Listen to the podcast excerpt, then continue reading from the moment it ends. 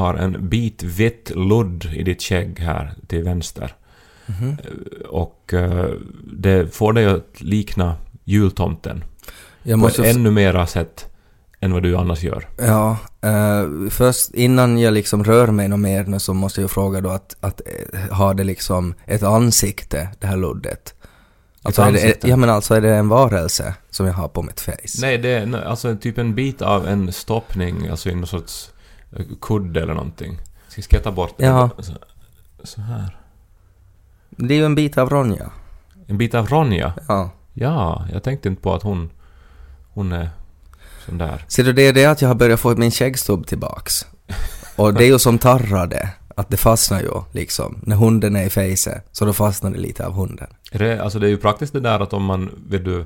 När man reser och behöver liksom lyfta upp Ronja så är det bara att sätta henne på kinden och så Nej, hålls men hon där. överlag vet du saker när man... För att man har ju bara två händer och säkert Ja. när man är småbarnsförälder så är de ofta upptagna. Japp. Så då, då går det liksom om man har då pass eller biljetter så kommer man som sätta fast dem i skägget en stund Ja. medan man gör någonting. Ja, jag såg en bild på internet av en man som hade gjort en, en liten skål av sitt skägg och så åt han nudlar från det. Där tycker jag ju att det har gått för långt. Men som att ha en sorts skäggväska för pass eh, eller för, för så här ägodelar som man inte vill att man ska stjäla så tycker jag att det funkar riktigt bra. Men att äta ur skägget, så där drar jag gränsen. Jag funderar på det här nu också när män nu får adoptera barn, eller alltså män, alltså manliga par, Mm. får, får, får prövas för adoption från och med första mars den här månaden. Från och med den första den här månaden. Mm. Från och med första mars. Så det här, eh, det är ju så här med kängurur att de Jo, nu säger jag, och jag vet att du säger känguru, och jag kommer aldrig att sluta säga känguru. Mm. Nej men för jag har blivit mobb... Det, det, det har liksom mobbats bort det, att jag har sagt känguru. Ja, men jag säger fortfarande känguru. Okej. Så får ni skicka arga mail. Ja. Eller giffar när ni skrattar. Mm. Men eh, det här, så de eh, föds ju typ väldigt outvecklade de här fostren. Och Ja. sen så bor de inuti den här pungen Yes. eh, och, och utvecklas. Så skulle nu då manliga par kunna på något sätt, uh, vet du, alltså om... om Ha foster in i skägget. Nej men alltså jag tänker så att det skulle som bli mera som en graviditet på något sätt. Att de skulle som... Vet du nog att förstås att fostret skulle utvecklas, förlösas i en normal takt men under de första månaderna så skulle det bo i, ett, i en sorts skäggpåse. Så då blir det liksom att, att den i, i paret då som har bäst skäggväxt så blir liksom skäggmamman inom citationstecken då.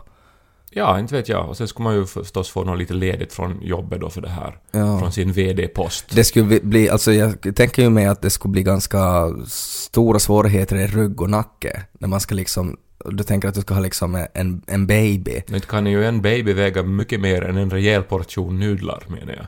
En nyfödd baby talar vi här nu. Jo, jo, men jag menar de blir ju nog ganska stora och, och sen och, och, har man som ett litet kalas då när det är förlossning och så har man en kirurg där då så, så klipper man upp skägget då och så kommer babyn ut. Ja, alltså det... Jag bara tänkte att hur man skulle kunna på något vis skapa Nej, jag, jag, eh, tyck- jag, närhet mellan fäderna och, Ja. och det adopterade barnet. jag tycker det är en väldigt bra idé. Lite kallt skulle det ju bli. Alltså man borde ha någon sorts sovsäck runt det här skäggkokongen tror jag. För att det får ju, alltså baby, fostret får ju inte få för kallt. Nej men skägg är väl isolerar väl? Det är väl hela Nå, poängen. jo men jag tror inte att det, man skulle nog måste sätta någon cellulosa eller någon massa. Vet du sådär hur man kunde göra, man tog tidningspapper och satt lim på det och så satte man det på en ballong och så blir det som en sån här hård yta. Ja. Som, som man gjorde så här enorma påskägg av. Och sen ska man spränga ballongen. Ja, men så skulle man inte kunna göra samma sak med det här skäggfostret då? Att när det är inne i skägget och så börjar man slicka på tidningspapper och så sätter man fullt med rimsor runt, runt det här skägget. Så det blir som en papier-maché baby. Får jag hemska minnen från sådana här pusselstånd i dagis och sånt här. Det var just sådana här grejer man gjorde. Att man med tapetklister och tidningspapper gjorde stora Gjorde man skäggbarn. ballonger. Mm. Men det var ju jättekul det. Ja, det var fruktansvärt. Jag har så hemska trauma från det där när jag då skulle, skulle glädja allihopa. Och sen så var det på såna här flingpaket hade de så att man fick klippa ut sin egen eh, segelflygplan, sitt eget... Eh, ja, alltså det var som en, vet du, det här hårda pappret på Ja. kartongen så, Ja. hade, så hade de ritat ut så man bara klippte runt och så skulle Ja. man vika och så var det till ett segelflygplan. Ja. Nå ja, så tänkte jag, nej men det här är ju jättekul.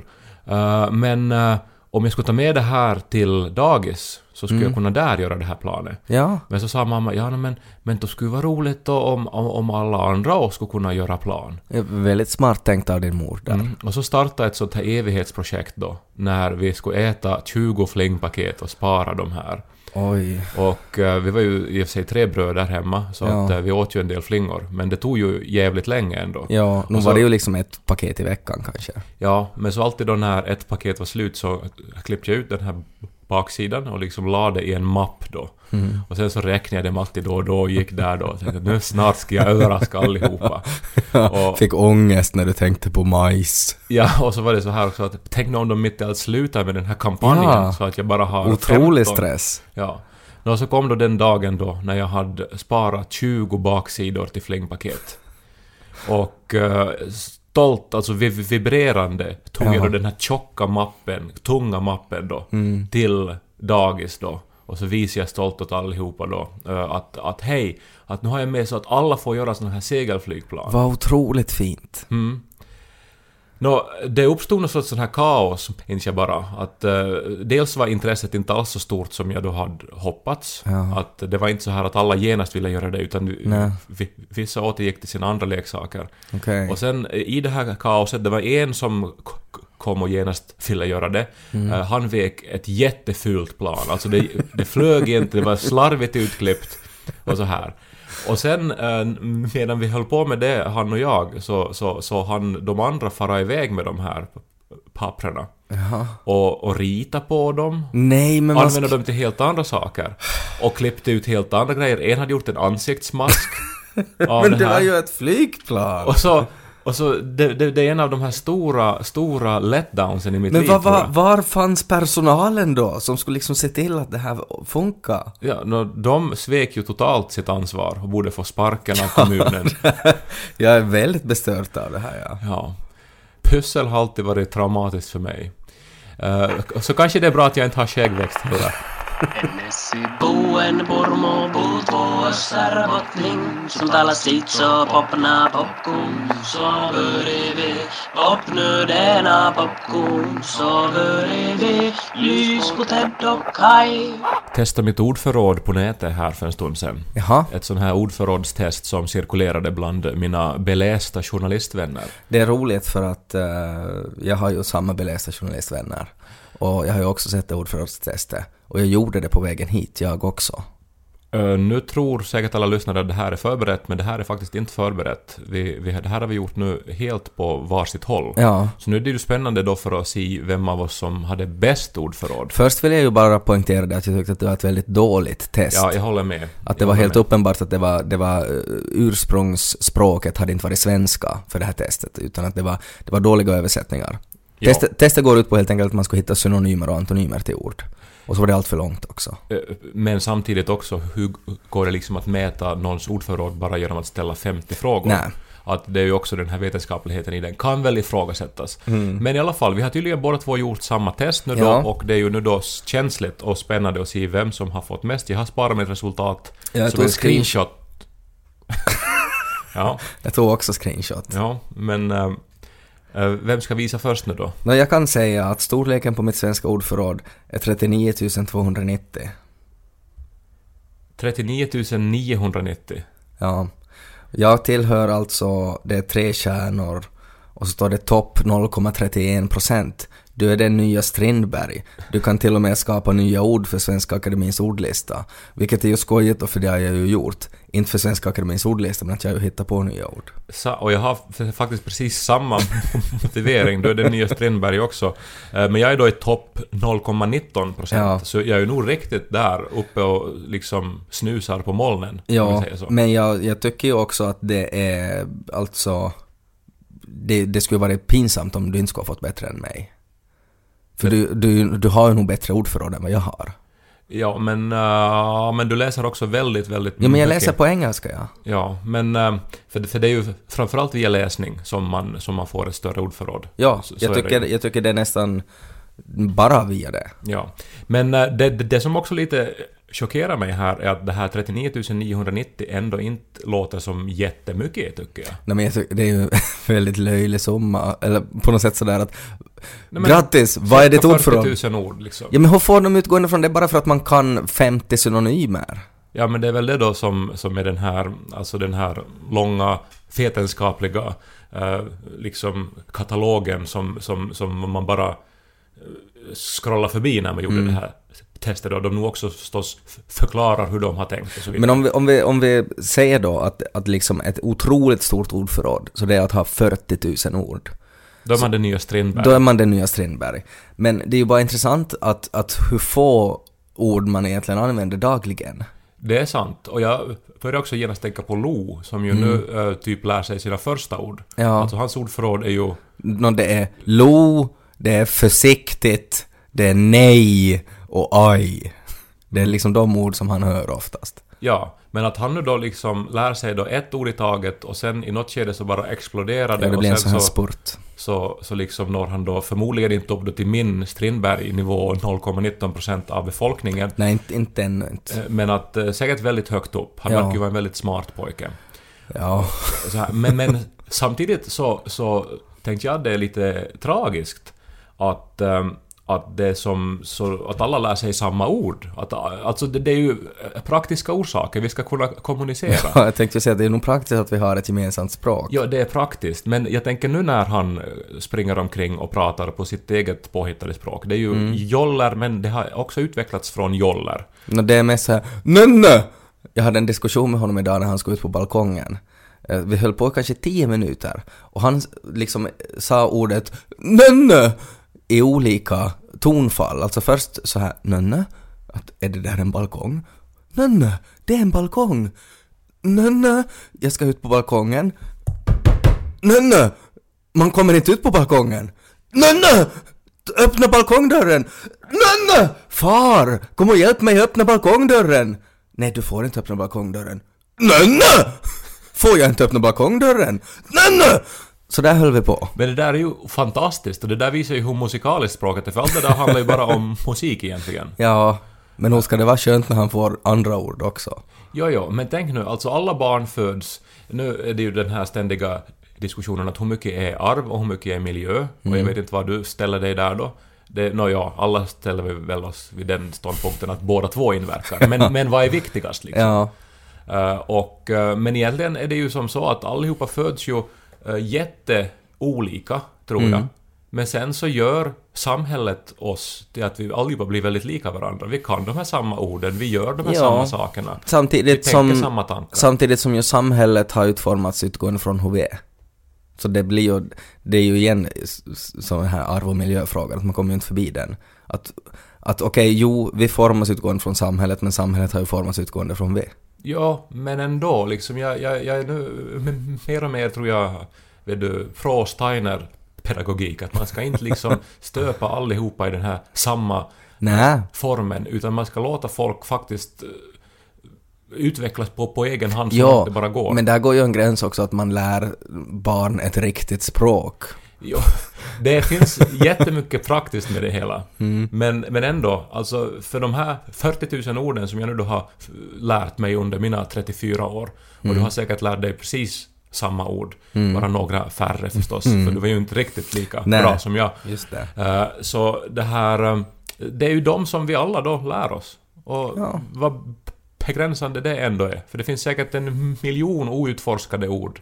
Och eh, liksom sådana saker, sådana känslolägen, sådana händelser, sådana tankar som skulle behöva ett ord, som aldrig kommer att formas. För Ja. att det är de här samma orden vi lär oss. Ja, och då är ju ändå du framförallt en sån person som, som jobbar med det. Att du försöker få liksom dina känslor och dina tankar, få det på något sätt format till ord. Så att du kan liksom sätta liksom, klä den här ena tanken som du har till just exakt en beskrivning med hjälp av ord. Eh, som du ju är bra på. Men det är ju de flesta inte. Att det är ju också det att, att, att även om man har en massa ord så är det ju svårt att använda dem. Ja, eh, det där är ett sånt här trauma som har hängt med mig ända sedan jag läste en intervju med någon författare, jag tror det var Håkan Nesser, Var det att man skulle klippa ut från något så här cornflakespaket? Nej, det var inte det. Jaha. Det var att, eh, Han sa att han aldrig använder ordet obeskrivligt. Mm. För att om han skulle säga att någonting är obeskrivligt så skulle han på samma gång liksom underkänna sig själv som författare. För att han har ju tagit på sig uppdraget att beskriva. Mm. eh, det är ju det hans arbete är, Mm. att beskriva med ord. Mm. Så att... eh, Men 40 000 ord, hur vilket av dem ska vi välja för att beskriva dagens podd? Mm. Oomkullrunkeli är ju det här ordet som återkommer. Nå, du, du återkommer ofta till det ordet då? Ja. Det här, den här podden är oomkullrunkeli. Mycket poäng i Scrabble. Så här på tal om Lo, ehm, så det ändrar ju livet väldigt mycket att skaffa barn. Ja, det sägs ju det. Jag kan ju inte tro att det nu är så otroligt annorlunda. Det är otroligt annorlunda. Men det som är kanske en så här överraskning som man inte tänker på, att det är så många saker som förändras som man på något sätt inte trodde skulle göra det. Alltså sådana här små hemligheter som man sen kommer fram att ah, det är för att jag har det där barnet. Så att nu för tiden så, så efter att du har tagit din kvällssup så får du och tar äh, mint-tuggummi också. Mm, Så att barnet inte ska känna spritande dräkten när du pussar det godnatt. exakt. Eh, nej, utan eh, det är såna här eh, grejer som man inte tror att barnet skulle liksom påverka. Ehm, och det är vad jag lyssnar på för musik. Så har det blivit nu. Okej. Eh, Jag har ju en sån här, eh, prenumererar på en sån här musikstreamingtjänst som jag lyssnar på dagligen. Och eh, den appen som jag har, så den har också en sån funktion att den rekommenderar varje vecka nya låtar åt en utgående från de låtar man har lyssnat på. Jag tror vi alla som prenumererar på dylika tjänster känner till den här tjänsten Ja. som ju har gjort den här tjänsten så mycket bättre. Ja men det är ju en jättetrevlig grej att när man är sådär att okej nu vet jag inte riktigt vad jag ska lyssna på men det skulle vara kul att lyssna på något nytt. Och så bara klickar man på den spellistan och så får man höra ny musik som låter nästan exakt likadant som musik man tycker om. Jag skulle ju säga att det är nästan lite obehagligt ibland hur väl de verkar känna till Mm. ens musiksmak. För Ja. de hittar ju helt perfekt låtar. Yes, och liksom på min eh, arbetsresa till och från jobbet så brukar jag alltid lyssna på det där. Och eh, nästan dagligen, eller varje vecka blir det ju, för det är ju en ny spellista varje vecka, så hittar jag liksom någon låt som jag är sådär att oj den där var riktigt bra. Och så sätter jag liksom favoritmarkerar jag den. Och så har jag hittat ett nytt band eller någonting. Men nu har ju Lo börjat lyssna på musik. Och han har ju inte ett eget konto utan att han lyssnar på mitt konto. Och jag, jag tänkte bara demonstrera snabbt eh, att om jag skulle starta den här tjänsten på min telefon, som alltså rekommenderar låtar utgående från låtar man har lyssnat på, Ja. eh, så kan du få ett litet urval på musiken som jag lyssnar på på vägen hit, när vi ska banda podd idag. Och som sagt, nu vet jag inte vad det kommer, utan nu trycker jag bara på next här.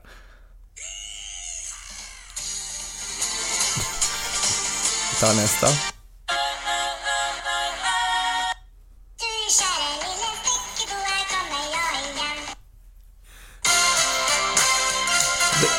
Men...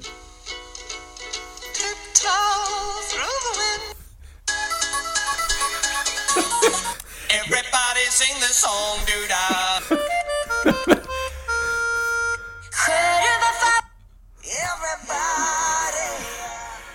Ja, det är ju som att den här, som att den här appen har fått fel ihop. Ja, det trodde ju jag också. Jag var ju så att det här kan ju inte vara min spellista. Men för att Lo har lyssnat på den här musiken och vi har ju spelat, sökt upp låtar som, ja men det här kommer han att tycka om.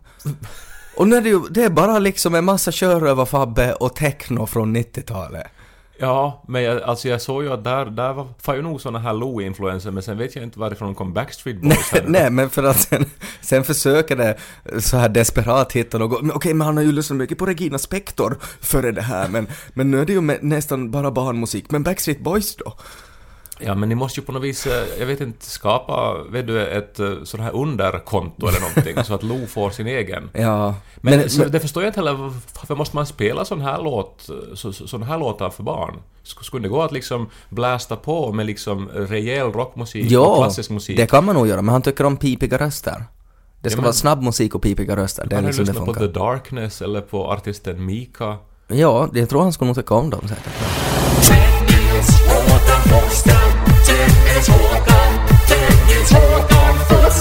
Det är så mycket tid. Allting är bara tid.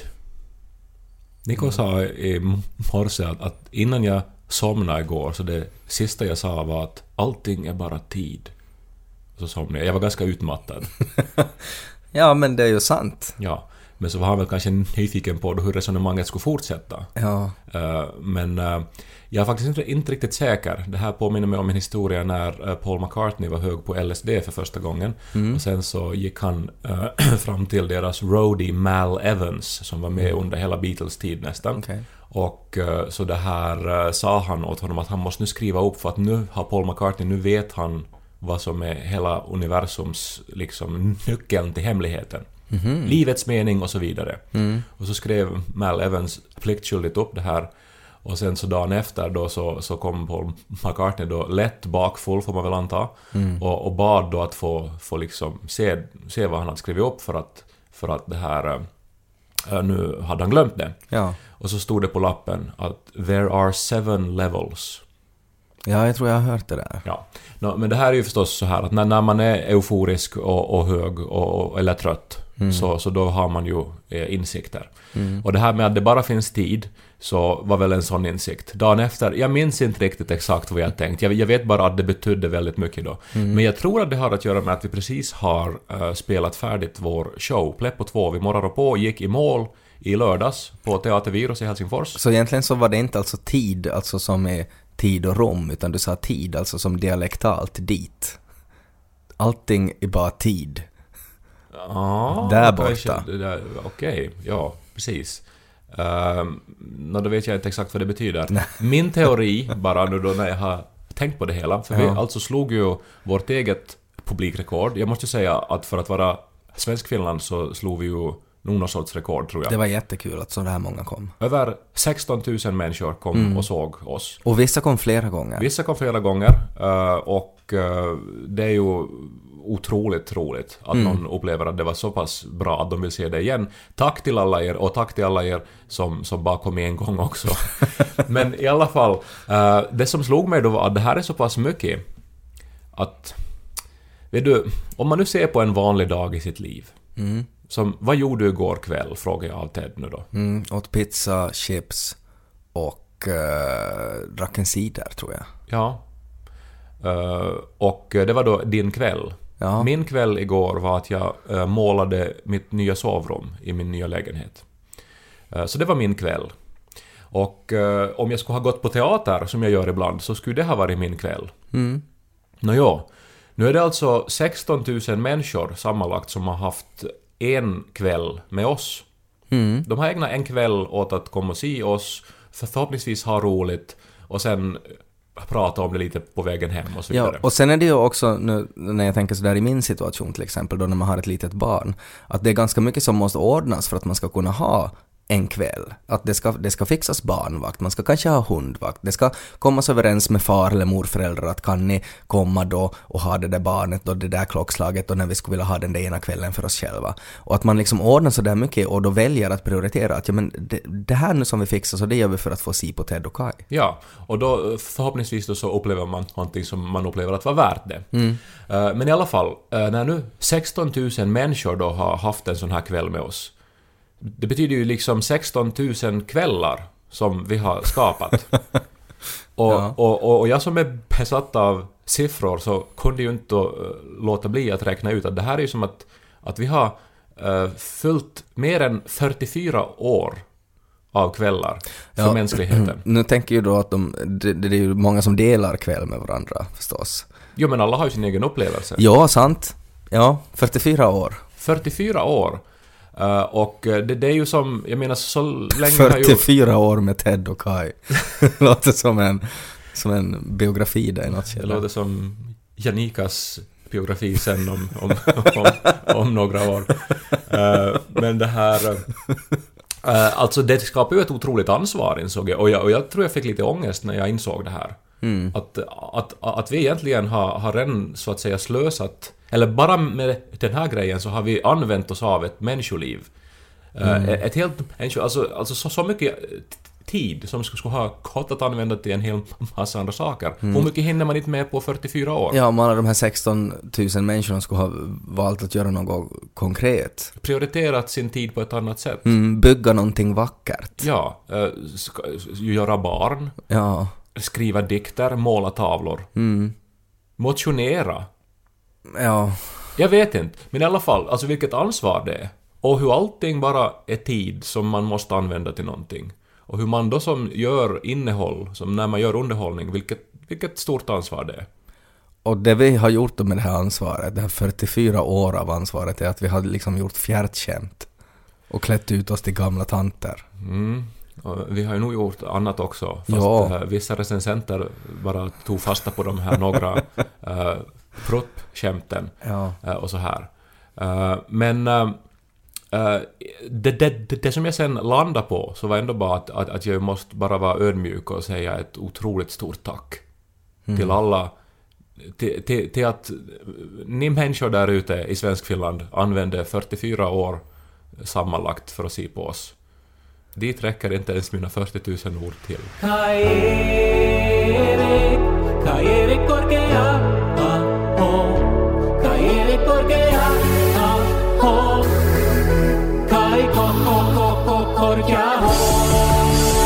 Ens identitet förändras ju. Eh, Det har ju också att göra med språkets utveckling. Jag tror man utvecklar sig, sig själv och sin identitet ganska mycket genom sitt ordförråd och det språk man, man tillskansar sig. Ja, till exempel när man, eh, om man annars pratar dialekt, så väljer man att prata inte dialekt, så då klär man ju på sig en liten annan identitet. Ja, det gör man ju. Men jag tänker också på Lo som ju nu är, är en, eh, en blådåre, alltså Ja. går omkring och framstår ju som debil. Pratar ett obegripligt språk. Vill förstöra saker, skrattar åt våldsamheter. Ja, och det är ju hans identitet just nu. Jag hoppas att det är bara just nu. Men sen då så börjar han ju, i takt med att han börjar bli en allt mer social, kommunikativ varelse, Förstår att andra människor känner smärta. ja, så kommer han ju att skapa sig nya identiteter. Mm. Och eh, det här är ju ett ständigt pågående projekt. Eh, Jag minns att jag en gång blev eh, nästan utskrattad. Eh, Jag var över 30 när det här hände och jag satt i en sån här eh, dramatikergrupp. Vi skulle skriva ny dramatik. Vi var 12 personer, olika sorts människor som inte hade skrivit dramatik förr. Och sen så, så eh, hade vi ett sån här inledningsträff då där vi satt och diskuterade och, och så skulle vi beskriva oss själva. Och så sa jag att jag, att jag, att jag, att jag letar väl fortfarande efter vad jag är. Och så gick det typ ett skratt genom salen. Så ja men du är nog så ung, för att alla där var typ åtminstone tio år äldre än mig. Mm. Och så, det där har stannat kvar i mig att vadå? Men vad skrattar de åt då? Ja men vadå, alltså är man färdig då när man är 40 då? Eller någonting? Är det som att då, då har man slutat leta efter sig själv? Ja, det låter konstigt. Ja, I det ögonblicket så underkände jag alla andra i rummets eh, liksom, egenskaper och förmåga att skriva och utnämnde mig själv till den enda sanna författaren. Ja, visar du också det här? det är ett ordförråds... Nej, Strindberg! men i alla fall, nu kommer jag att gå in i en ny identitet så småningom. Mm. Och en ganska k- kontroversiell identitet som jag, som jag eh, är lite... Nej, alltså det- den har med sig ett bagage från när jag har läst Kalle Anka, från när jag har sett på, på TV-serier, från när jag har lyssnat på Creedence Clearwater Revival och på annan arbetarklassmusik. Ska du börja bränna hembränt? Det gjorde de väl inte Kalle Anka? Björnligan? Jag ska ju eh, flytta till en ny lägenhet, Jaha. men då kommer jag att hyra ut min nuvarande lägenhet. Jag kommer att bli hyresvärd. Ja. Jag kommer att liksom vara den här som påminner om hyran. och och den här som, som, som ringer arga samtal och som hotar med att liksom slänga ut någon stackars fattig studerande. Och bara har en nyckel att ge bort och man får inte göra fler. Ja, men det är ju som, alltså i alla de här serierna, Kalle Anka, i alla såna här serier som gick på på TV där det liksom var unga människor som bodde på hyra, så var ju hyresvärden den här... The old man, Ja, the- landlord. The Landlord, jag tänker på alla låtar som John Fogerty har skrivit så är det alltid om hur han måste betala sin rent och hur det här håller på att göra honom liksom galen. Men borde du skaffa hängslen nu då? Nej, jag vet inte, alltså jag borde ju som typ ha en sån här, sån här smal mustasch. Smal mustasch, um, någon så här pressväxtbyxor och hängslen. Och så kan du liksom stå där framför din egen dörr och alltid när de kommer in så kan du stå där med hängslena och bara vara så här, ja, klockan är 19.38. Kommer hem nu först. Nu har kuvertet med pengar ännu inte kommit in genom min brevlåda. För jag ska ju förstås ta, hy- hyran ska ju komma kontant. Kontant ja. Ja, ska du stå och räkna? Ja, och så alltid när de, när de ger det så ska du räkna dem framför framför dem. Och sen stoppa så här nonchalant i innerfickan. bara. Ja. Precis. Nej, men det är just Och sen här. kan du också börja liksom kräva tjänster av dem. Att du är lite sådär att du lämnar dina skor där och att du förväntar dig att de ska vara putsade till nästa dag. Ja, men det här tycker jag också, som, som jag har nu då också insett i, i takt med att den här nya identiteten då kommer att utvecklas, att, eh, att liksom vilken enorm eh, fönsterpropaganda man blev utsatt för som barn, just i Kalle Anka och Pamse och, och från de här låtarna, när man bara lyssnar på sån här typ av musik. För, för där framställs ju hyresvärden då som den här rika, hänsynslösa, den här, den här vidriga, giriga människan. Men faktum är ju att, att jag, jag blir ju nu då jag menar, om inte hyran betalas så är ju jag fucked, alltså. Nej. Mitt lån ska ju be- betalas varje månad. Men du är ju rik. Nej. Du har ju två lägenheter. Ja, ja, banken har dem, det är jag som förvaltar dem nu. Och liksom, det, det är ju eh, inte jag en dålig människa, utan det är ju faktiskt så att om inte man betalar sin hyra, det är ju då man är dålig. Ja, det där låter så som någon sån här rikmans liksom gnäll det bara. Nej men det är så som, mycket är det så här att ska man kunna lita på media för att, för att allting är finklat på något sätt. Och ofta då så är det så här, vet du, såna här nya alternativa eh, medier då som har en, en kraftig högervinkling. Eh, Så, så de är, är ju så att säga enkla att, att identifiera och vara så här att okej, det här ska man nu inte lita på. Eh, Men hur är det då, jag som då räknar mig väl som mera vänsterut på den po- politiska skalan, Jag är ju rätt så blind för all den här vänsterpropagandan som igen finns inbakad här och där.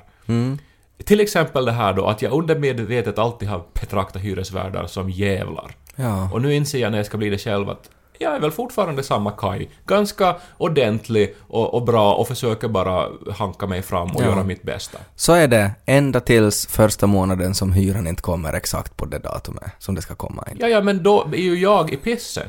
Det är Ja. just det. Jo, jo. Då, då, då, då är jag inte en jävel som kräver det sen. Utan då är ju jag att jag... Jo, jo, men för, för, för de som betalar hyran så är det ju den där jäveln som kräver det. Ja, men det är ju inte en sanning. Det är ju deras be begränsade världsbild och det är ju Kalle Ankas idioti. Alltså, alltså han, klart han ska vräkas om inte han betalar sin hyra. Men det är ju Kalle Anka!